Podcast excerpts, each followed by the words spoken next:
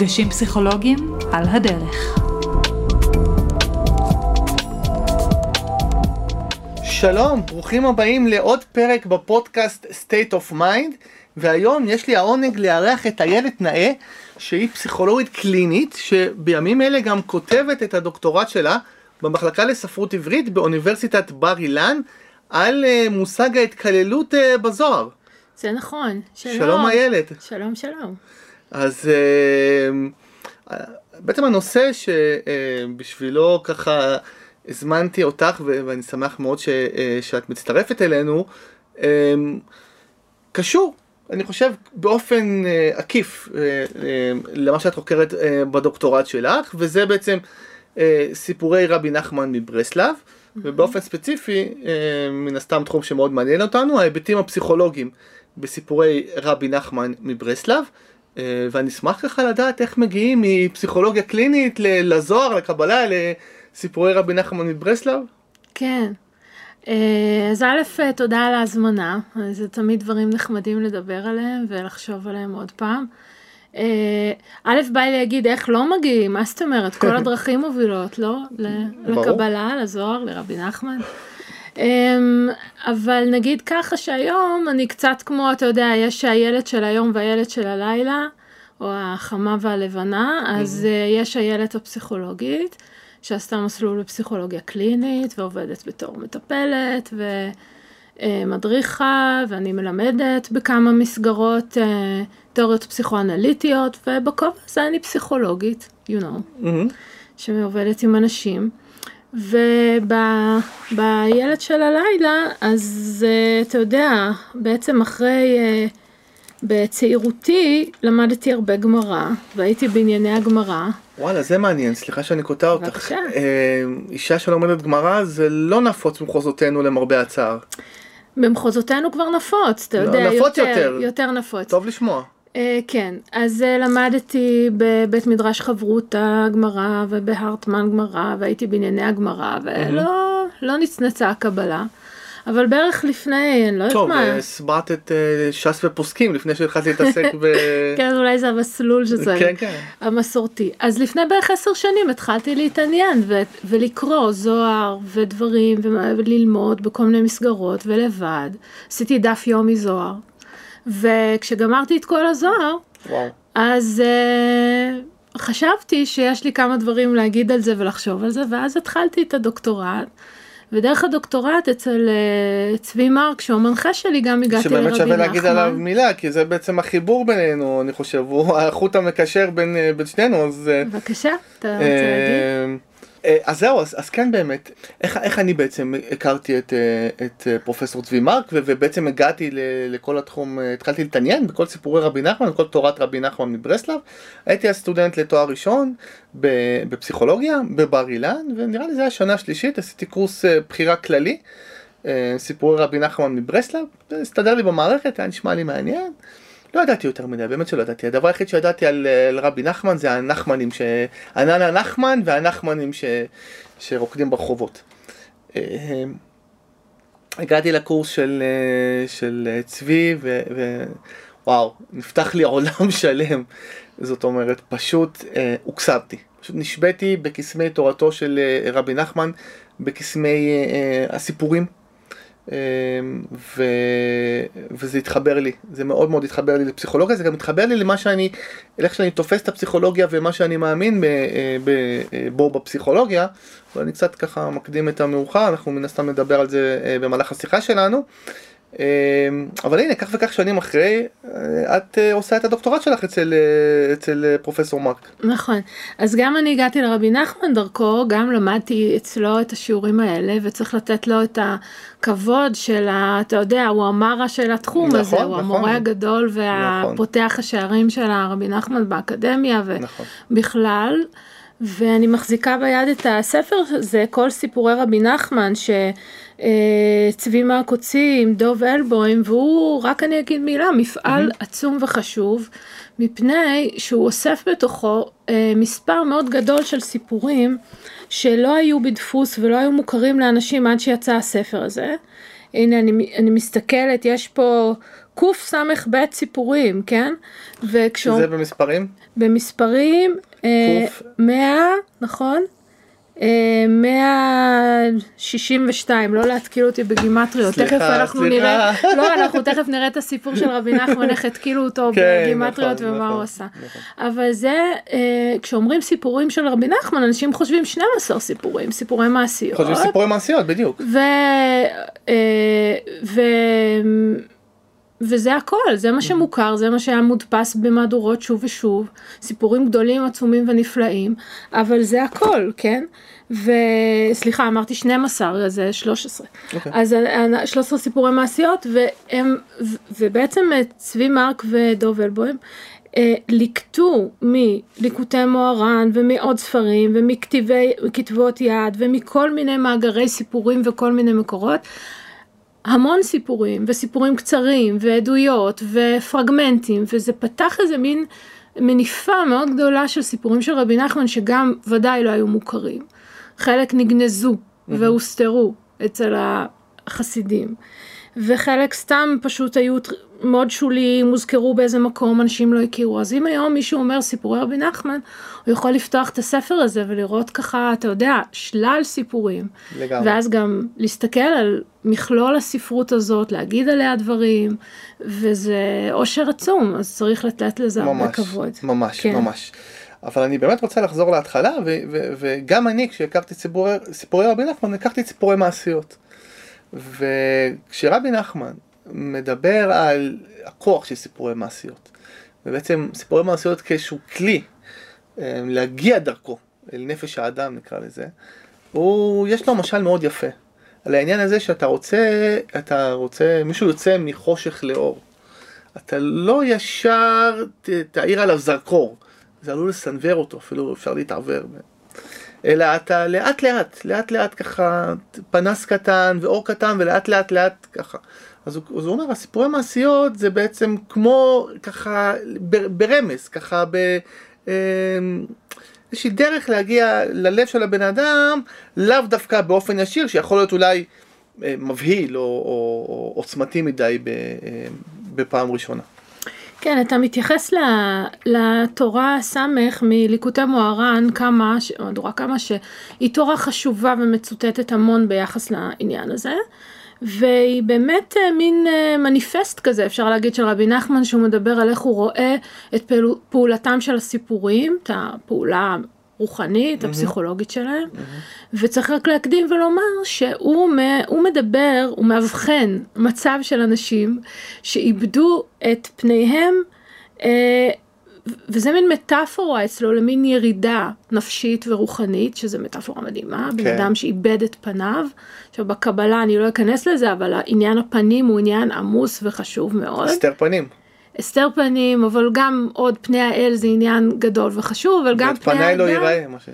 כן, כל מיני היבטים, mm-hmm. אז כאילו בן אדם שאיבד את פניו, הוא אומר איך מחזירים לו את פניו, איך עושים את האקט המרפא של החזרת הפנים, ואז הוא אומר שמלבישים לו את הפנים בסיפורי מעשיות. אז בעצם הסיפורי מעשיות אמורים להיות מין הלבשת פנים, לבוש שהבן אדם עוטה על עצמו בזמן שהוא, אנחנו רוצים לה, לה, להשיב לו את פניו שלו.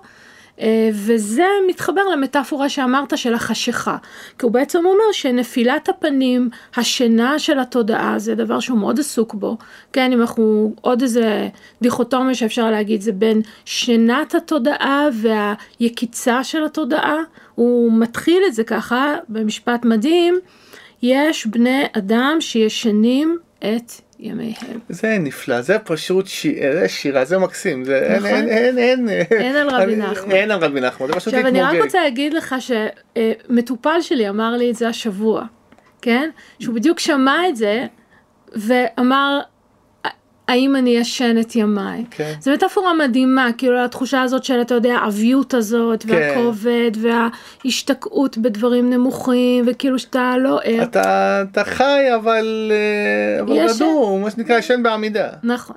אז כאילו, יש אנשים שישנים את ימיי, ואיך מאירים אותם, ואיך ככה. אז הוא אומר, המוחין בקטנות הזה, הנפילה זה בחינת שינה. וכאילו התיקון לב, החזרת פנים, זה, הוא אומר, כדי שרוצים להראות לבן אדם את פניו, צריך להלביש לו את הפנים בסיפורי מעשיות. ואז הוא מביא כמה טעמים, ואחד מהם זה מה שאתה אמרת, ואני רק רוצה, חייבת להגיד שיש פה סוד גדול במה שאתה אמרת. הוא אומר, כמו העיוור, או מישהו שכאילו לא רגיל לאור, וצריך ככה לצמצם לו, נכון? הוא אומר, צריך לצמצם לו את האור, כן. שלא יזיק לו מה שהוא פתאום רואה, לא ייבהל, ומי שהיה בחושך ובשינה, הוא אומר, הרבה זמן, ורוצים להראות לו את הפנים ולעורר אותו, צריך להלביש לו את הפנים בסיפורי מעשיות, שלא יזיק לו פתאום האור.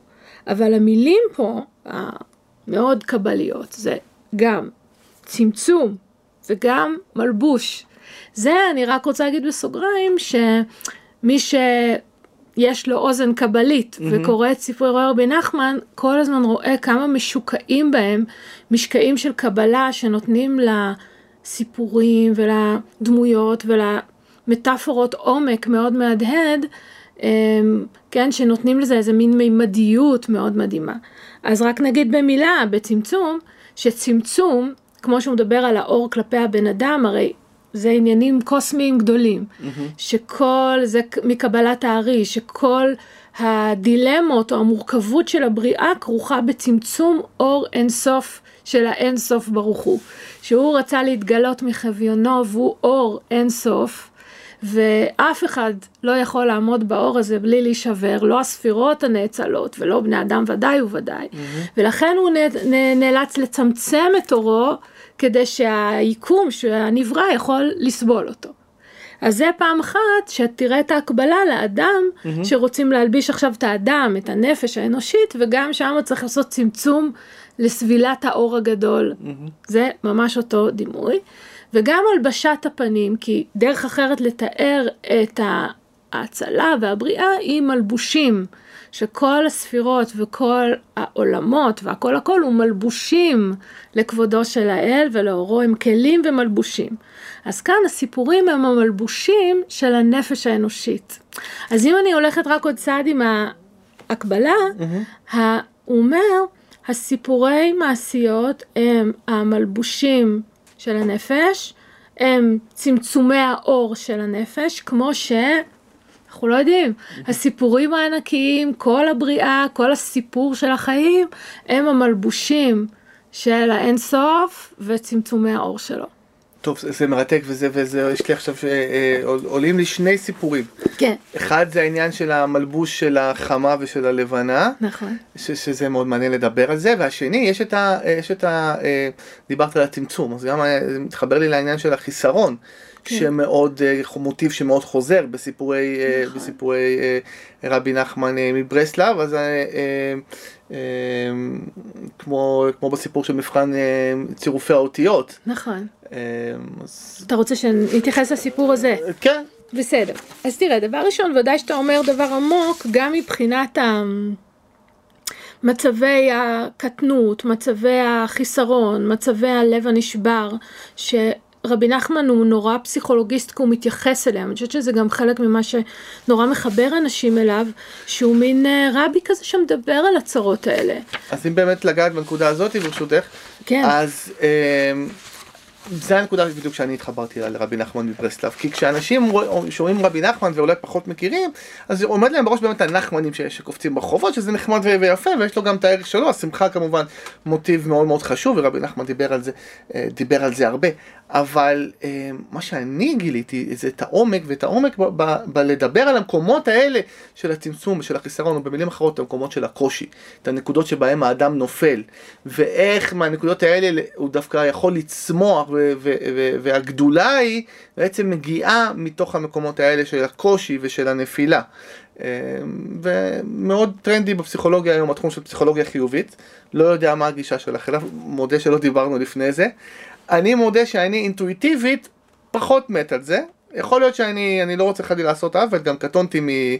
אה, אבל אה, כאילו כל פעם שמדברים איתי על פסיכולוגיה חיובית אז אני אומר כאילו מה והפסיכולוגיה הרגילה היא שלילית כאילו אז, אה, אז יש משהו בפסיכולוגיה שבאמת נוגע, ב, שאולי הוא שלילי, שאולי הוא נוגע בקשיים של האדם, אבל בעיניי דווקא המקום של הקשיים הוא מקום של, מקום של הצמיחה ורבי נחמן מסתכל למציאות בעיניים. הוא לא מייפה אותה, הוא לא, זה, זה לא ניו אייג'י בכלל כמו שאולי אנשים חושבים, להפך, יש בזה משהו מאוד אקזיסטנציאליסטי לטעמי. זאת אומרת, אני באמת רואה ברבי נחמן סוג של פילוסוף, פסיכולוג, אקזיסטנציאליסטי שמדבר באמת על הקיום ועל הקושי של הקיום ולמצוא את המשמעות במקומות הקשים ובנפילות ובצמצום ובחיסרון ופה אנחנו נתחבר לה, באמת לעניין של הסיפור של, של אה, אה, אה, מבחן צירופי האותיות.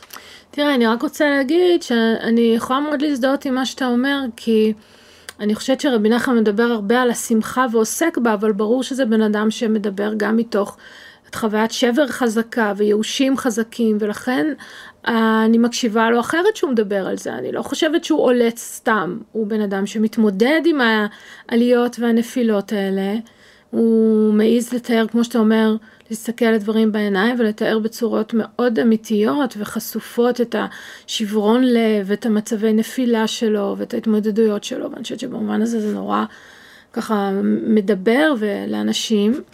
אה, לא ניכנס לנושא על פסיכולוגיה חיובית, אבל אני רק אגיד אולי בז'רגון או בקלישאה שאנשים מתייחסים לפסיכולוגיה חיובית, אז הרבה פעמים זה נשמע לאנשים נורא נחמד, שאם נמצא כל מיני מטבעות לחשוב דרכם והם יהיו נורא חיוביים, אז נדלג מעל, ה, אתה יודע, כל הדברים האלה. Mm-hmm. שברון הלב והחורים של המציאות וזה. אבל זה לא מה שרבי נחמן מציע, רבי נחמן מציע לפגוש את זה. ו... לעשות ולגדול עם זה. מזה. נכון, לעשות עם זה דברים. אז מזה. רק אני אתייחס לסיפור שאתה אמרת, שיש לו איזה סיפור שמובא בספר הזה על מבחן צירופי אותיות, שבסיפור הזה זה בעצם סיפורון, הוא מספר אה, שהוא מצא את עצמו באיזה מקום שהוא לא מרחיב עליו כלום, אבל אני יכולה להגיד זה מקום די מסתורי ומין. איזה חיזיון, שכל מה שהוא אומר עליו זה שנותנים לו איזה בחינה להגיד צירופי אותיות. מכל התורה, מבראשית ועד סוף התורה ב, אה, לעיני כל ישראל. ואני רק אגיד בסוגריים, שמה זה בכלל מבחנים של צירופי כן, אותיות, בדיוק. לעשות אחת מההתחלה, אחת מהסוף כן. בכל מיני סדרים, אז רק נגיד שצירופי אותיות זה מין דבר שמקובלים עושים, mm-hmm. מכל מיני סוגים של קבלה, מצרפים את אותיות התורה בדרכים, את שמותיו של האל, זה פרקטיקות קבליות, mm-hmm. ושמבחנים כאלה הם, זה מין איזה פנטזיה, אני לא יודעת אם הייתה באמת, מין מבחני צירופים שאולי עושים למקובלים מתחילים, מבחני הסמכה כאלה? כן, מבחני... כמו איזה טקס מעבר, אם משתמשים. בדיוק, איזה טקס החניכה כן. של אה, מיסטיקן בראשית כן, דרכו, כן, כן. כי לרבי נחמן יש כל מיני סיפורים כאלה על כל מיני חזיונות ועליות שלו בתור איזה דרכו המיסטית אה, כמין מיסטיקן בחניכה. אז אומרים לו לעשות כל מיני צירופים, ואחד הוא מצליח, והשני הוא מצליח, והשלישי הקשה לעשות צירוף אחד ככה ישר והפוך, הוא נכשל. פדיחה. ואז הוא אומר, והוא אומר ככה שהוא נכשל בדבר הזה, הייתה לו בושה גדולה, הוא אומר את זה ביידיש, כמו איזה ילד קטן שנותנים לו בחינה והוא מתבייש ונכשל ו... הוא לא יודע ויש שם אנשים ויש לו בושה. Mm. הקיצור, נפילת פנים, נכון? בושה גדולה. דיברנו על הפנים, נכון. כן, על הפנים, בקיצור. ו, ואז פתאום הוא נזכר, כן, ההיזכרות זה מין איזה דבר, הוא נזכר. הוא נזכר שכל חיסרון הוא חיסרון גם בגשמיות וגם ברוחניות, וזהו, ותחסרהו מעט מאלוהים. הוא אומר את הפסוק מתהילים. Mm-hmm. והוא לא יכול היה להיות בשמחה, אבל פתאום הוא יישב את עצמו, ואני רק אגיד שהדבר הזה נפתח יותר בתורה שמקבילה מאוד לסיפור הזה, ששם הוא מרחיב ואומר שמה שהתחבר לו והתחבר לו זה שהחיסרון הוא מהשכינה. וזה דרש של הפסוק הזה, ואת חסרה ומעט מאלוקים, שהחיסרון הוא מאלוהים, כלומר החיסרון הוא של אלוהים. והחלק של אלוהים שחווה את החיסרון הוא השכינה. אז כשאתה מתחבר לחיסרון שלך, זה רגע מיוחד שבו יש לך זיקה מיוחדת לשכינה, שהיא הדלה והיא ענייה והיא חווה כמו הלבנה את החיסרון mm-hmm. ואת החושך, ובאותו רגע אתה יכול להתחבר אליה ויש לך איזה מין שותפות איתה, וזה רגע מאוד מיוחד, גם של אינטימיות גדולה, שהוא אומר, שאחר כך הוא אומר, חשבתי, מי אני, שהמלך בעצמו מספר לי את החיסרון שלו ויש כבוד גדול מזה? ומתוך זה הוא בא לשמחה והתחדשו לו המוחין, ואז הוא עמד בבחינה והצליח. אבל כאילו הסיפור אומר שאתה יודע, היציאה מהמצב של הבושה והייאוש הייתה דרך איזה מין המשגה מחדש, שהחיסרון הוא מהשכינה. ואם השכינה היא חסרה ואתה חסר, אז באותו רגע אתה מתחבר לצער העולם, לשכינה, וההתאוששות שלך היא גם מעשה לתקומת השכינה. אתה מתקבל מזה כוח להתמודד. טוב, זה נפלא. אני, אני חייב להגיד שכשקראתי את, ה, את, ה, את הסיפור הזה, אמ, שוב ככה לקראת השיחה שלנו, פתאום, פתאום, אה, נגיד הייתה לי הערה, פתאום אה, אה, ותחסרהו מעט מאלוהים, תמיד זה היה נראה לי כאילו, ותחסרהו מעט מאלוהים שהוא כאילו, הוא קצת חסר מאלוהים, זאת אומרת הוא קרוב לאלוהים אבל הוא לא בדיוק כמו, זאת אומרת כאילו הוא, הוא, הוא, הוא קצת פחות מאלוהים, קצת פחות מאלוהים. כן. ואז חשבתי על זה, ותחסרהו מעט מאלוהים, זאת אומרת מי האלוהים אתה, מחס, אתה, אתה, אתה, אתה מחסר לו. זאת אומרת שהחיסרון, או אם אולי יותר ברור אני אגיד את זה, החיסרון מגיע מאלוהים, החיסרון מהשכינה.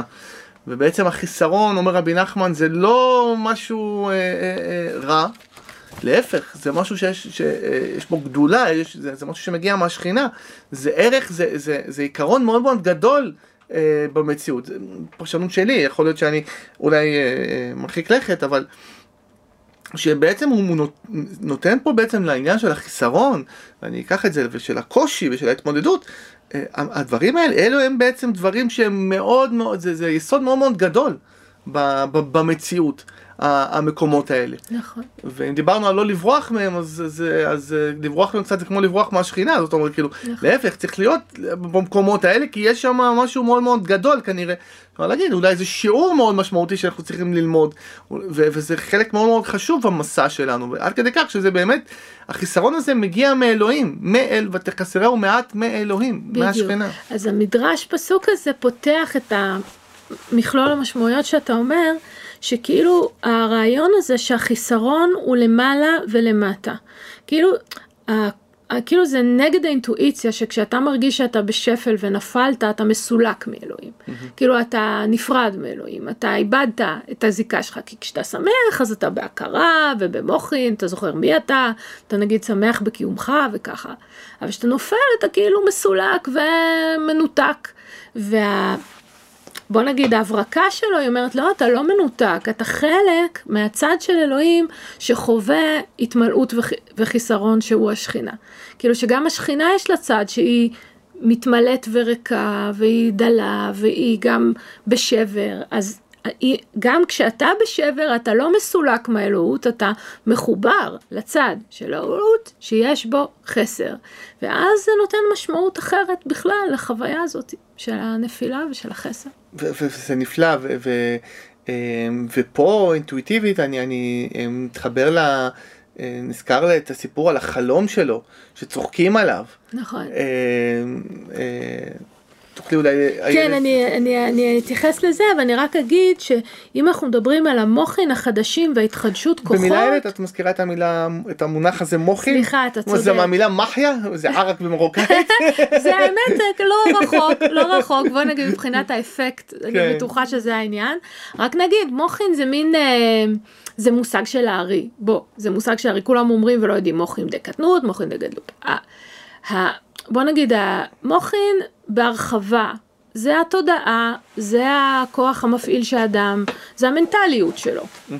מוחין דקטנות, בפשוט, במקור, אצל הארי זה מוחין של ילד, זה מוח לא מפותח, זה מוח של שלב התפתחותי ראשון, ומוחין דגדלות זה מוח של מבוגר, בפשטות, מוח על כל המשתמע. כל הפרקטיקות המנטליות, היכולות, מוחין. קוגניטיבית, רגשית. הכל הכל. Mm-hmm.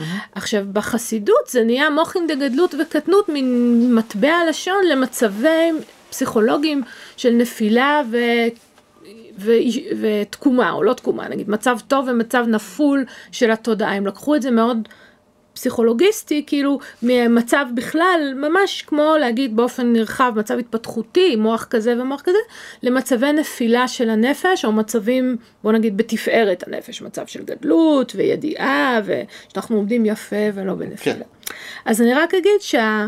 ה, ה, אחרי המחשבה על החיסרון, השמחה על המחשבה הזאת חיברה אותו מחדש לעצמו ולעולמות העליונים, ומתוך כך התחדשו המוחין שלו. כלומר, ההתחדשות היא בהשבה של הזיקה והחיבור לאלוהות, שאתה לא מרגיש מושלך ממנה. ואז אתה מתחייב ומתחדש.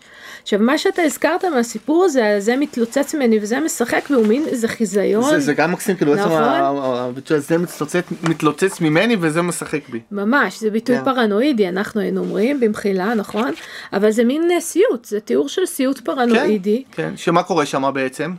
שהוא בעצם, אה, רבי נחמן מתאר סצנה נורא נורא פרנואידית שבה, אני אגיד אה, רק, אני אקריא במילותיו איזה משפט, כן? כן?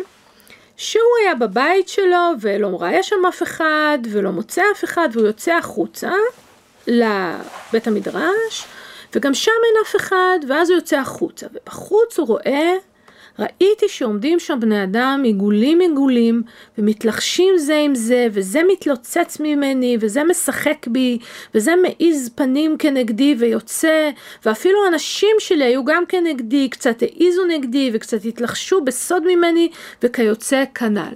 זה אתה יודע איך להגיד, בתמצית הסיוטים שלנו. כן. שכולם צוחקים עליך, מתלחששים עליך, ואתה מין מוקצה כזה, ואתה לא יודע למה. שהאנשים הכי קרובים אליך מפנים לך עורף. בדיוק, אז זה מין הסיוטים האלה, שאתה מתעורר ואתה כן, ערום. כן. אז פה זה מין כזה ערום נפשית, כאילו כן. כולם מסתלקים ממך ומתרחקים, אתה לא יודע למה. וה... הדפוס הזה הולך ומתרחב לאורך הסיפור בעוד ממדים ועוד ממדים ועוד גלגולים שעוד אנשים מפנים לו עורף והוא מסולק גם מפה וגם מפה וגם משם מגנים אותו ויש איזה דמות סמכותית של איזה אה, זקן. נכון שהוא גם אה, נוזף בו, נוזף בו. ואומרים לו, אומר לו אתה לא תוכל לברוח מזה אתה אז קיצור אז מגרשים אותו ואומרים לו לא יהיה לך עולם הבא כי אתה כזה גרוע. ו... הוא גם מסולק מהמדינה. קיצור, הדבר הזה הולך וצובר עוד סיוט שהולך ומתגבר, הולך ומתגבר. והסצנה הקשה היא שבסוף הוא גם מסולק אגב מהמוחין של עצמו, כן? כי הדבר אחד זה שהסב הזה הזקן הזה מגרש אותו ואומר לו שאתה, איך נגיד, אתה, איך אתה לא מתבייש בפני אבותיך ואתה כאילו ממש מגנה אותו. זה, זה נקודה, נקודה מעניינת איילת לטעמי, שבעצם הוא אומר לו אתה לא מתבייש מאבותיך, ואנחנו יודעים, מכירים גם את השושלת המשפחתית המפוארת נכון, של רבי נחמן, נכון. הנין של, של הבעל שם טוב. זה נכון. אה, ו, וזה נראה לי לפגוע בו כאילו, מה שנקרא להכניס את הסכין ו, ו, ולסובב אותה כאילו. לגמרי. ו... ואז מגיע המהפך, ואיך מגיע ו... המהפך? לפני זה אני רק אגיד שגם הוא קורא ספר, יש לו איזה ספר ואין לו ספר וזה, והוא פותח את הספר והוא לא יודע בספר כלום, כלומר אפילו גם מעצמו אין לו כבר כלום, הוא מגיע למין איזה שפלות נוראית, והזקן הזה עוד פעם יורד עליו, אבל כמו שאתה אמרת בצדק שהזקן ככה, איך להגיד, סובב לו את הסכין עם הבעל שם טוב, לפני כן שהוא אמר לו איך זה נגד זקנך באש, אתה לא מתבייש וככה. Mm-hmm. אבל, אז גם משם באה לו התקומה. בדיוק, שם היה הרגע, הרגע של, אה, של המהפך, מה שנקרא, כמו במגילה, בלילה הוא נדדה שנת המלך. אומרת... נכון, אז הוא אומר, ואז בא על דעתי המעשה של הבעל שם טוב ז"ל. המעשה הידוע, שהוא לא מפרט איזה. אבל הוא ידוע. כן. אני אומר, אני אומר בציניות, כאילו. יש השערות. יש את זה הרבה אצל רבי נחמן, כאילו, הוא אומר, זה סיפור ידוע, אבל אני לא מדבר, כאילו, ואיך...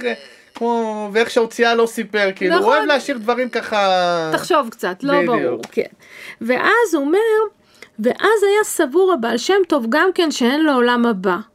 ואמר, אני אוהב את השם יתברך בלי עולם הבא. והשלכתי את ראשי לאחוריי במרירות גדול מאוד.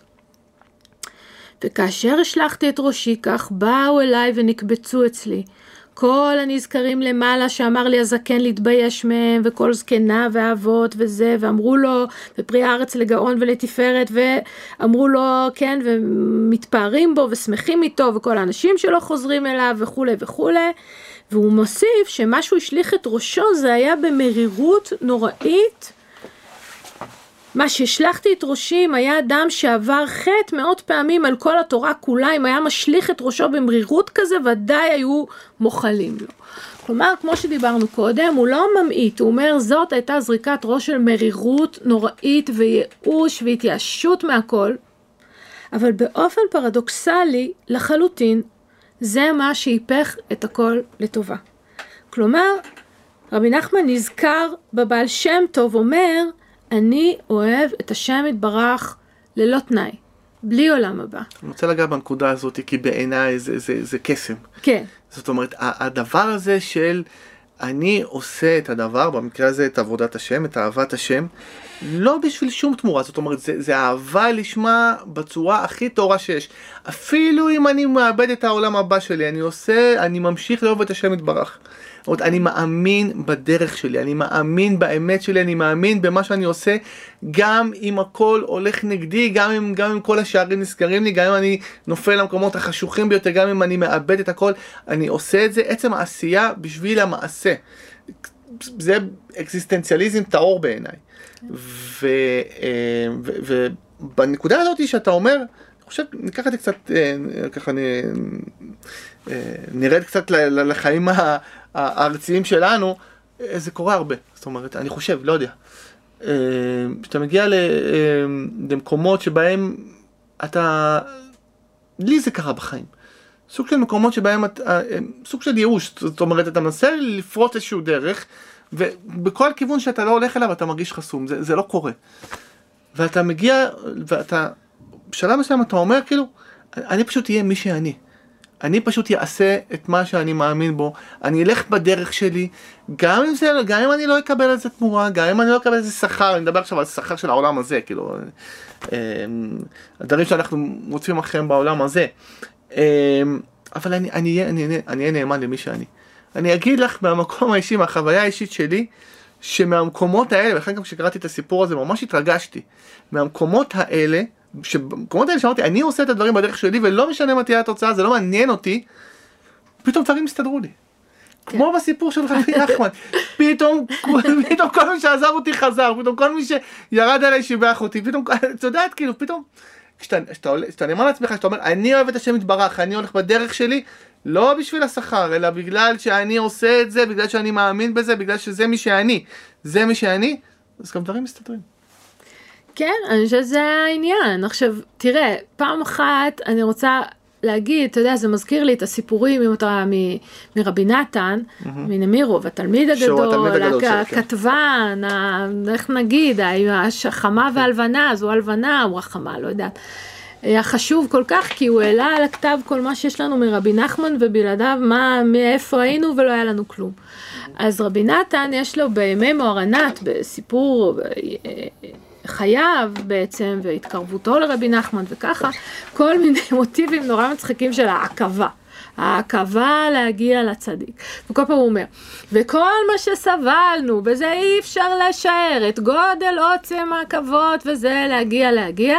וזה ברור, כמו שאתה אומר, שכאילו, וזה רעיון גם חזק אצל רבי נחמן, העכבות הן צורפות משהו, העכבות מאמתות אותך עם הרצון, העכבות מורידות את הקליפות, כי אתה נאבק ונאבק ולא מוותר ולא מוותר, ונשאר עם איזה גרעין. לראות את הצדיק. אז אותו דבר גם במבנה של הסיפור הזה ובמבנה של הסיפור שאתה אמרת, כאילו ההתקלפות הזאת שאתה מאבד את כל ההון הארצי שלך, כל הכבוד, כל הזיקות, כל הקשרים, כל מה שהלך לך ניטל ממך, כל המעמד וכל השייכות, והכל אתה מאבד, מאבד, מאבד, מאבד, ואתה נשאר בלי כלום, אפילו בלי היכולת לקרוא בספר. אני, מרוד, כלום. Mm-hmm. ובאותו רגע מה שעמד לו זה הזיקה לצדיק בעצם, לבעל שם טוב, והזיכרון של האפשרות, מה שאתה אמרת, לאהוב את השם יתברך בלי עולם הבא, בלי כלום, אני אוהב אותו כי אני אוהב אותו ודי. אה, והאהבה הזאת... אהבה ללא תנאי, זה אהבה הכי טהורה. האהבה הזאת חידשה איזה זיקה, היא חידשה איזה חיבור פנימי, שמהמקום הזה כל החיבורים שבו והתחברו והתחברו והתחברו. הפאזל, הפאזל הסתדר. כל הדברים התחילו עוד פעם להתחבר. כן. אז כאילו זה כמו שדיברנו על סיפורי מעשיות, שההשבה של הזיקה, כן, החסימה הנפשית הזאתי. אז גם כאן כל ההתקלפויות האלה שאתה נשאר מרוד, כמו הרבי נחמן המתבייש שלא יודע את הבחינה, זה עוד מצב כזה.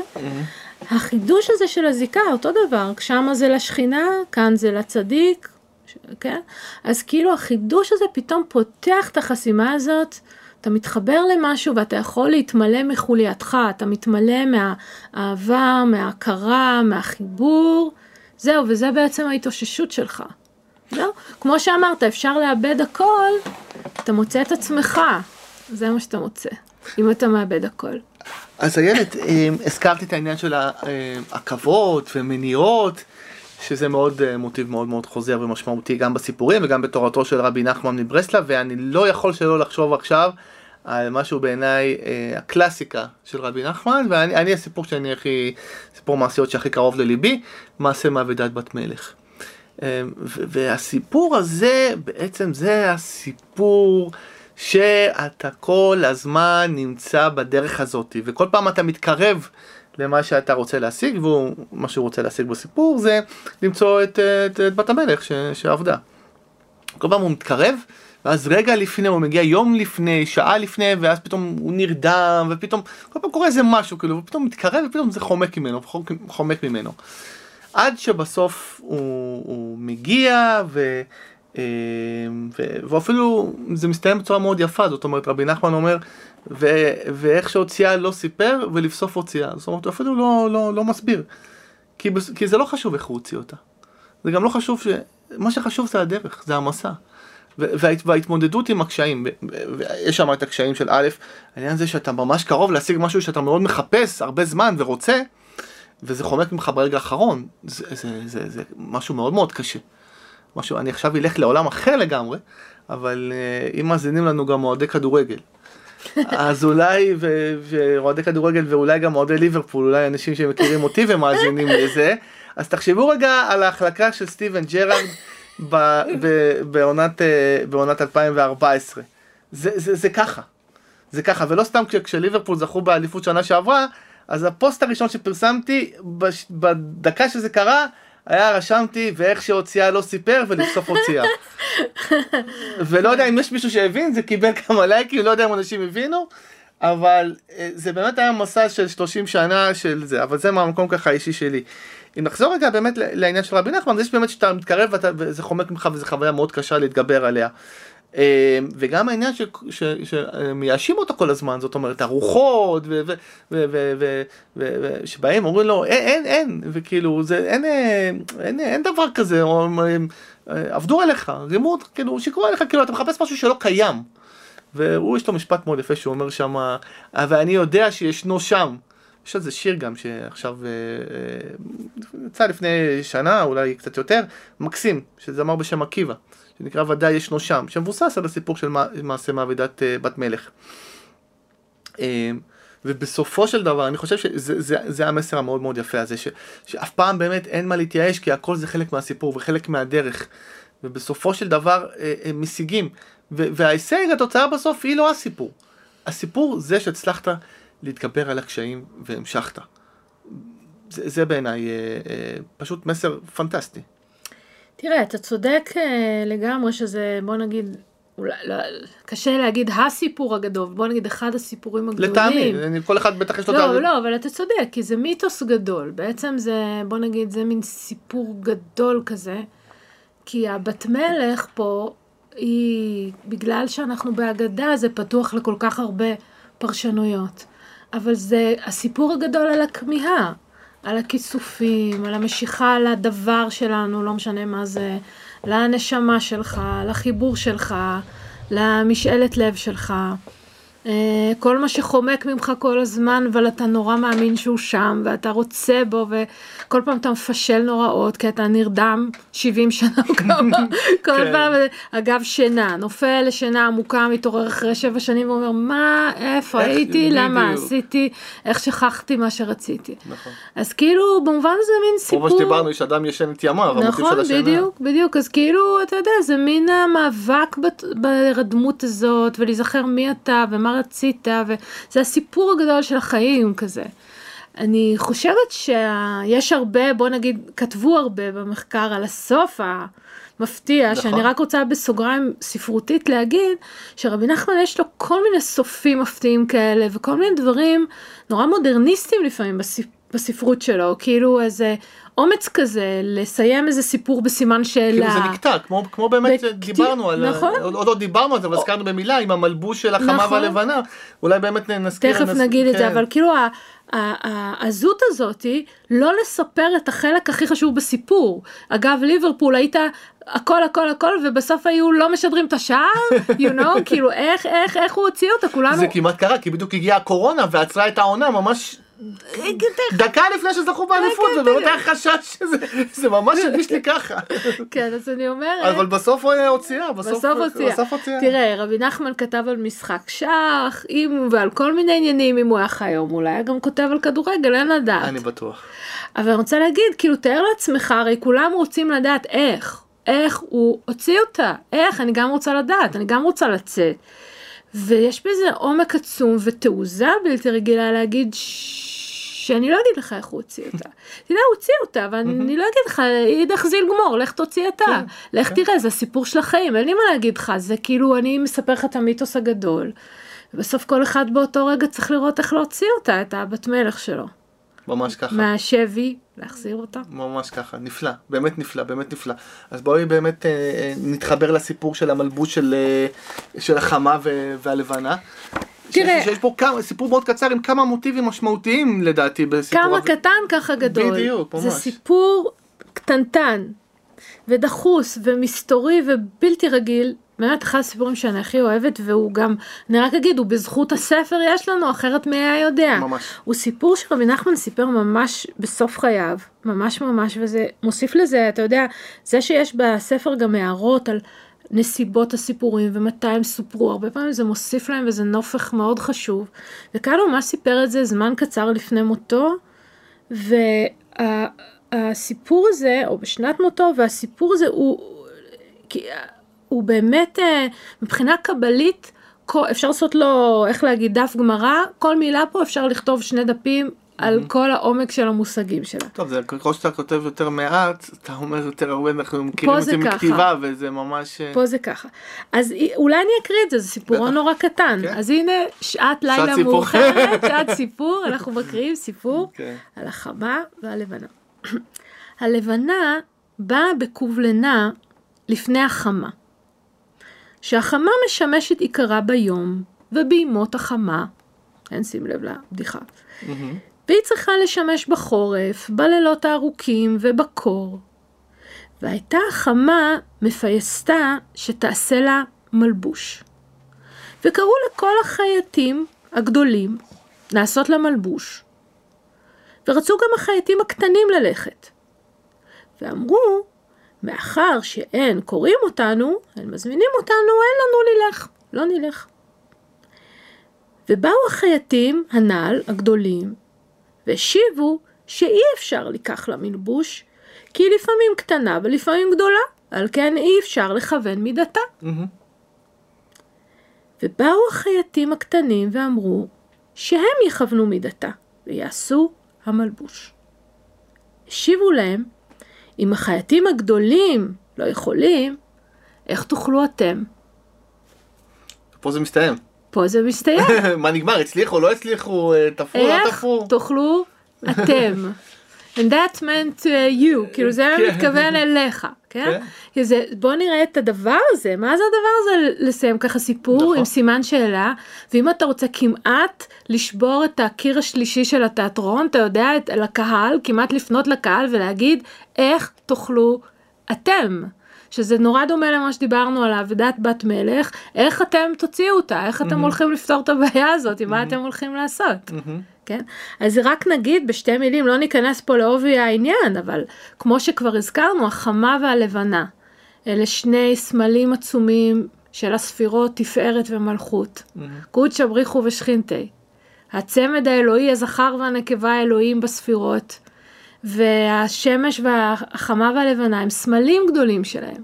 ובתוך זה מקופל המדרש, הסיפור הגדול והטרגי על מיעוט הלבנה, שזה הטרגדיה של העולם שלנו, שהיו שני מאורות גדולים, ובמדרש, כבר בחז"ל אמרו שכן, שם הם מאשימים קצת הלבנה, כן. שאמרה איך אה, שני מלכים השתמשו בכתר אחד, והקדוש ברוך הוא אמר לה, לכי ומעטי את עצמך, ומאז היא ממועטת ויש לנו צער בעולם וסבל וגלות ומה שאתה רוצה. Mm-hmm.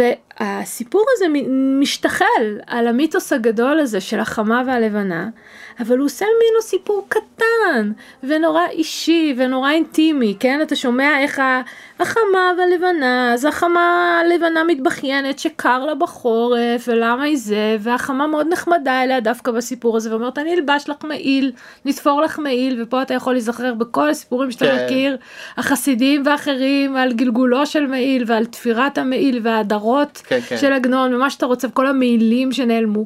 אז, אה, אז היא אומרת אני אעשה לך מעיל ורוצים לתפור לבגד שלא יהיה לה קר, נכון, בחורף mm. וככה. ואז אני רק אגיד בקיצור, אה, החייטים הגדולים שהיו אמורים להיות יכולים לתפור לה מלבוש, לא יכולים, כי הם לא מצליחים לכוון את המידה שלה. אמרנו שהשכינה הלבנה היא משתנה, כמו, ה, כמו הלבנה. היא מתמלאת ומתרוקנת, היא מוארת ונחשכת, והיא תחת סימן השינוי, עץ הדעת טוב ורע, והיא משתנה ויש לה פנים לכאן ולכאן. והחייטים הגדולים, שאני חושבת שצריך לקרוא אותם כמו הספירות, mm-hmm. הם הגדולים, לא יכולים uh, לטפל בה כי הם לא מבינים את מידת השינוי שלה. הן מאירות ונצחיות ולא משתנות באורן, והן לא יכולות לטפל ולעזור לשכינה עם המידת השתנות שלה, אין להם נגיעה בדבר.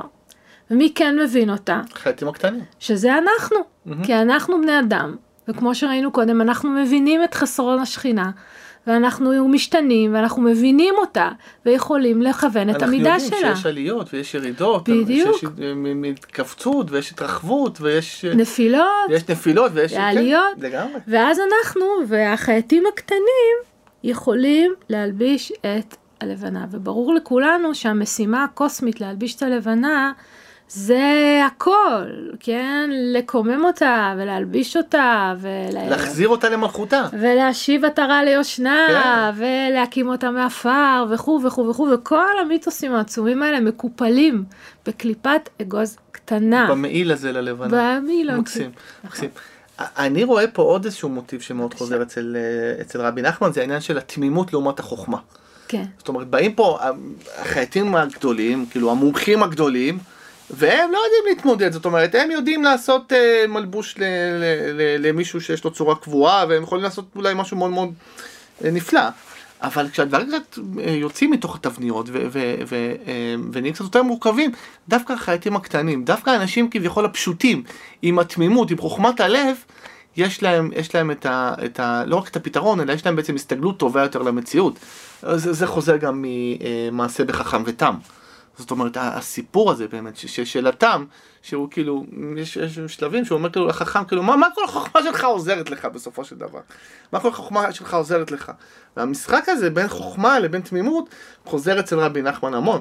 אה, זה מתחבר גם קצת אה, בדיוק, אה, אנחנו אחרי חג סוכות, שקוראים את ספר קהלת, וגם הוא, קהלת שם מאוד ככה נמצא בקונפליקט ואמביוולנטי לגבי העניין של חוכמה ו, ותמימות. הוא מצד אחד משבח את החוכמה, מצד שני הוא די קוטל אותה בקטעים מסוימים. אני חושב שגם רבי נחמן, ברור, ברור שרבי נחמן מאוד מעריך את החוכמה, אבל גם הוא מבין ש, שהיסוד של התמימות הוא מאוד מאוד חשוב ב, ב, במציאות ובחיים, ועם כל החוכמה אסור לאבד את, את, את התמימות, כי, כי אה, עם החוכמה, וזה גם עוד דבר שהוא אומר, עם החוכמה לפעמים אתה יכול פשוט ללכת, אה, לאבד את הצפון, כאילו ללכת לאיבוד, כאילו, החוכמה יכולה מאוד לבלבל. אם אתה לא נשאר עם התמימות הזאת, עם החיבור הזאת ל, ל, ל, למציאות הפשוטה ולהוויה אה, הפשוטה של החיים, החוכמה יכולה לקחת אותך למקומות מאוד לא טובים. כן, תראה, אני רוצה להגיד פה משהו אולי דרש אישי שלי ושזה, אבל... עד עכשיו זה הכל היה דרש אישי שלי. אני ממש לא, לא מתיימר להגיד שאני כיוונתי לדעתו של, אה, של רבי נחמן בדברים, אבל את יודעת, כאילו... כל הדרכים הולכות לרבי נחמן. כן. Uh, אני רוצה להגיד שתראה, כמו שאתה אמרת ואתה צודק מאוד, רבי נחמן יש לו כל מיני אמירות על החוכמה והתמימות. שחלקם מגנות את החוכמה ואומרות זה חוכמות חיצוניות, בן אדם צריך להיות פשוט, צריך להיות תמים, ומעלת האנשים הפשוטים, שזה מין מוטיב גדול בכלל mm-hmm. בסיפורים חסידיים. אבל אתה נורא צודק שיש לו כל מיני אמירות, ואנחנו רואים שגם הוא, איך נגיד, תלמיד חכם, כותב חוכמות, כותב תורות, זה לא שהוא הפיל את העט ועבר לתחום השתיקה. אה, כמו הבודהיסטים וכאילו לא רוצה להגיד עוד מילה, הוא דווקא אומר הרבה מילים, mm-hmm. אז כאילו אנחנו רואים שזה מורכב, פה העניין מורכב, גם החכם והתם, אתה יודע, זה לא שהתם באמת כזה לא יודע כלום, זה, זה תמיד, העניין שם מורכב, אבל אני חושבת שהתמימות, וזה אולי הולך לאיזה מין פשט של המילה תם עוד מהמקרא, שתם הוא שלם. שלם, נכון. תם. אה, תורה תמימה. נכון, שהתמימות, גם מיעקב שאומרים, איש תם, הוא לא טמבל, הוא לא. תם, הוא שלם. זה נכון, אנחנו צריכים פה לדייק איזה מין משמעות, שנכון, לזה אני מאוד יכולה להתחבר, שאני חושבת שרבי נחמן מנסה להזהיר מפני הנתק שבא לפעמים עם שכלתנות. כלומר שלפעמים ההליכה אחרי חוכמה, שאנחנו אגב מאוד רוצים להשיג ומתמלאים ממנה, היא לא ממלאת אותנו באמת, לפעמים אנחנו הולכים אחרי מה שנראה לנו ומה שאנחנו חושבים ומה שראוי ומה שכדאי ובונים תילי תילים, אבל זה לא בא מהמקום של החיבור, זה לא שלם, זה לא תם, זה לא, זה לא שלם בלב בוא נגיד. וזה הדבר, כלומר שאם אתה פועל בתמימות אז מצידי תהיה גם חכם, תלמד מה שאתה רוצה, mm-hmm. כן, אז אני לא, הייתי קוראת את זה אולי קצת אחרת, שכאילו ה... שהתמימות היא חיבור, התמימות היא שלמות, התמימות היא יכולה, כן, משהו שקשור לזיקה הפנימית, למנוע הנפשי של האדם. ולא רק שנא, לא שנאת החוכמה, קשה לי לקרוא לא, את זה ככה. אני, אני גם לא, אני גם לא, זאת אומרת, אה, אה, אני חושב שיש המון המון הערכה לחוכמה של רבי נחמן, ורואים את זה גם, גם בדברים שהוא אומר וגם בסיפורים שהם מורכבים ורבדים על רבדים, אמ, אבל אני חושב ש, שכמו שאמרת, זאת אומרת, מה זה בעצם שלם? שלם זה משהו מורכב. משהו מורכב אבל שהוא קוהרנטי, שהוא מתחבר, זאת אומרת, אה, שכל החלקים מתחברים, וחוכמה בלי תמימות, כמו תמימות בלי חוכמה, היא חסרה. כן. והשלמות נוצרת באמת מהחיבור, ולכן, ולכן אני חושב באמת שיש את העניין הזה של לפתח את החוכמה, אבל לא להתנתק מהתמימות, לא להתנתק מה, מה, מהדבר הזה, אה, מהחיבור באמת לשורשיות ול, ו, ולארציות, ואולי אפילו ככה אסוציאטיבית, עולה לי גם הסיפור של, אה, של שבעה קבצנים mm-hmm. עם, ה, עם הילדים. אה, והחיבור באמת ל, ל, לילדות ולמקום הזה הראשוני, התמים, יש, יש, יש את זה נדמה לי אה, הרבה אצל, אצל רבי נחמן. אה, אני חושבת, נגיד בתור, מה שאמרת עכשיו, בתור מבנה, אז המבנה הפרדוקסלי הזה, כן, של ה- לראות את החוכמה והתמימות כמו איזה יינג יאנג, כמו איזה... כמו איזה יינג ויאנג כזה, אוקיי. כאילו את ההפכים ששלובים זה בזה, ולאחד mm-hmm. הוא בלי השני, לא בלי השני, ויש להם איזה יחסים מורכבים, נכון. זה מבנה שאני הרבה יותר יכולה להזדהות איתו, הוא גם כמו החמה והלבנה, אתה נכון. מבין? זה מין מבנה כזה שאומר יש חוכמה ויש תמימות, לפעמים החוכמה מסלקת את התמימות, אז זה לא טוב שהיא מסלקת את התמימות, אבל זה לא שאנחנו מסלקים את החוכמה, כאילו זה מין בדיוק. מבנה מורכב כזה. שאני יכולה יותר להזדהות איתו בתור אמירה מאשר, אתה יודע, הוקעת. נפסיק ללמוד, נסגור את הספרים. מסכים לא, לא לגמרי, לא מזדהה. מסכים לגמרי, כן. מסכים לגמרי. אז דיברנו באמת הרבה על העניין של, אה, של הקשיים וההתמודדויות, אבל אה, הזכרנו את זה במילה, יש את המוטיב של השמחה שהוא מאוד מאוד חזק אצל רבי נחמן. באמת אחד הסיפורים המקסימים זה הסיפור שהוא נוסע ב, שהוא, על אותו מי שמוצא איזה אבן מאוד מאוד יקרה אה, ונוסע בספינה. אמ, ושוב פעם, באיזה, באיזה טיפשות וקלות דעת, אה, הוא פשוט היה אה, מאוד אוהב את האבן, אז הוא לקח אותה לכל מקום, אז הוא לקח אותה גם כשהוא אכל, והוא נרדם, שוב פעם, ההירדמות, ואז המלצר ניער את המפה עם הפירורים, וגם את האבן, והשליך אותה לים, והוא איבד את האבן היקרה ולא נשאר לו כלום. אמ, ו...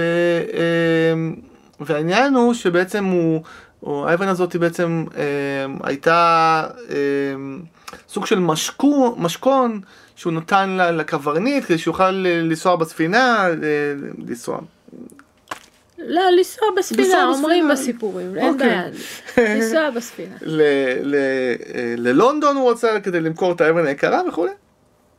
וכשהוא איבד את האבן בעצם הוא פחד שהקברניט כאילו יזרוק אותו, יזרוק אותו משם, לא יודע, יזרוק אותו לים כאילו, וזה. ואז הוא אמר, טוב, מה אני אעשה, כאילו, אני אמשיך להיות שמח וזה, כאילו, אני עדיין האבן ברשותי, כאילו. בסוף דברים התהפכו שם, ובסוף כאילו הוא נהיה יותר עשיר מאשר הוא היה עם האבן, זאת אומרת הוא מכר תבואה, תבואה של הקברניט באיזשהו, באיזשהו סיפור. אבל המסר בסוף שם מאוד מאוד יפה בעצם שזה שהוא שמר על השמחה. גם, הנה, בכל זאת אנחנו גם בשמחה מתחברים לקושי.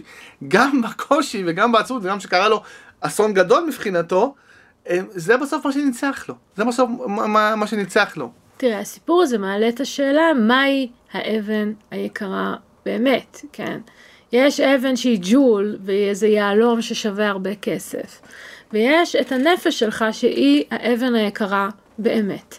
ואתה, אה, כן, נאחז באבן הזאת שתציל אותך והיא שווה הרבה כסף, אבל יקרה מפנינים ומכסף זאת הנפש שלך. וכשאתה שמח, אתה, כמו אפשר להגיד, הוא שמר את הנפש, הוא שמר את הג'ול הפנימי שלו, את ה... את האבן היקרה של החיבור הפנימי שלו, של השמחה שלו, של ה... הוא לא איבד את זה, הוא לא איבד את השמחה, השמחה זה המצב הטוב של הנפש. אז הוא לא איבד את זה, ומזה, כמו שאמרנו קודם, הוא, דברים הסתדרו לו, וזה, כי הנה עוד פעם אנחנו מדברים על איזה זיקה. כן. שכמו בסיפורים שקודם התייחסנו, מה מחדש או מחבר את הזיקה למהות הפנימית, אז שם הוא איבד אותה, וכאן הוא לא, לא הסכים לאבד. זאת אומרת, גם אם אני מאבד את האבן, אני לא מאבד את היהלום הפנימי שלי, אני שומר עליו, והדברים יסתדרו. נכון? נפלא. כי היהלום האמיתי זה הנפש, זה לא הג'ול הזה. בדיוק. שיפול בים. זה יכול ליפול בים, אבל הנפש, נכון. מה ששלי, זה תמיד יישאר שלי, וזה נפלא. אה, ככה לקראת סיום, אני חייב לשאול אותך, אה, איילת, אה, את עושה שימוש ברעיונות של רבי נחמן בפרקטיקה שלך כפסיכולוגית קלינית? אולי באופן לא מודע, כאילו, את רואה מוטיבים כאילו בגישה הטיפולית שלך מה... תראה, זאת שאלה טובה, אני, שואלים אותי את זה הרבה פעמים. אז בואו נגיד ככה, אני לא מטפלת רבי נחמן, לא כל היום מספרת לאנשים סיפורים וזה וזה, כן, זה נשמע לי דווקא יכול להיות מאוד נחמד. האמת נכון, אולי, אבל, אה, אבל, אבל לא, אני, אני לא, בינתיים אולי פעם, כן. אבל היום אני לא, לא מטפלת ככה. אני יכולה להגיד לך, אני יכולה לחשוב על שתי תשובות לזה. אחת, זה שאני חושבת שאני יותר פתוחה לרבדים השונים שבהם אנשים מדברים על החיים שלהם, ואני מדברת עם כל אחד איפה שהוא נמצא. ואגב, השכינה והנפש וככה, אני מאוד מכבדת את עבודת הנפש, כי אם אתה רוצה, אנחנו בטיפול אה, מוציאים את אה, בת המלך משביה, זה מה שאנחנו עושים בטיפול, אני לא רואה, בוא נגיד, לא רע בכלל, ועבודה חשובה ומלאכה נאמנה וראוי לעשות. אבל אני יותר קשובה לזה, כי יש אנשים, אני מוכרחה להגיד, שגם הממדים הרוחניים אה, יותר בולטים בחיים שלהם, וזה גם שפה שלהם, ואז אנחנו גם לפעמים מדברים בשפה הזאת. אם יש מישהו שזאת השפה שלו, mm-hmm. וכל מיני דברים, דברים קיומיים, דברים רוחניים, רוצה לדבר בכל... אז אני, אתה יודע, זה לדבר עם כל אחד בפנים שמתאימות לו. Mm-hmm. אז יש אנשים שגם הפנים האלה מתאימות לו, ואז אני גם פתוחה לזה. Mm-hmm. זה במישור אחד. במישור אחר, אני חושבת, כמו שאמרת, שהחיבור שלי לרבי נחמן, אה, אני מתפתה לו להגיד, צדיק האמת, כן? החיבור שלי לרבי נחמן הוא מאוד מלווה אותי בתור בן אדם. וגם כשאני מטפלת, אז זה משנה את איך שאני מרגישה כלפי המלאכה שלי. איך אני רואה אותה, איך אני מטפלת בנקודות שבר שלי, בנפילות שלי, בכישלונות שלי. שלך עצמך. שלי עצמי, כמטפלת ובתור בן אדם. Mm-hmm. אז כאילו זה קשור אליי, זה קשור לכלי שלי, זה קשור לאיך שאני באה לסיטואציה ופחות למה שאני אומרת בכל שעה, אלא זה השפה הפנימית שלי, אז היא מאוד מאוד uh, חשובה לי ומלווה אותי בעבודה שלי. כאילו, במובן הזה אני יכולה להגיד לך זה, מה, זה נוכח כל הזמן. כן. אתה יושב עם בן אדם, כל הזמן אתה מחפש איך להלביש לו את פניו. אולי בטיפול פסיכולוגי מלבישים את הפנים בסיפורים אחרים, לא במעשיות, אולי הן פחות יפות פשוט גם. אבל כאילו מלבישים את הפנים, ואני מאוד מזדהה עם זה. אז uh, אני רק אגיד עוד מילה, שהרבה פעמים הניסיונות ליצוק את המחשבות האלה לתורות uh, טיפוליות, סליחה, לא, לא תמיד עולים יפה. למה? כי, אני אגיד לך למה. אני הרבה חושבת על זה, כי אתה יודע, ממציאים תורות, כן? ויש כל מיני, תורת הטיפול לפי הזמן. זה וטיפול לפי זה. כן. אולי קצת כמו שאמרת קודם על... אה, פסיכולוגיה חיובית. נכון, על הצד הקלישאי של זה, זה שה... בוא נגיד ככה, אפשר ליצוק סיפור לאיזה מטריצה, לאיזה תבנית. Mm-hmm. לתת לך כמה מושגים ולהגיד תעבוד עם המושגים האלה.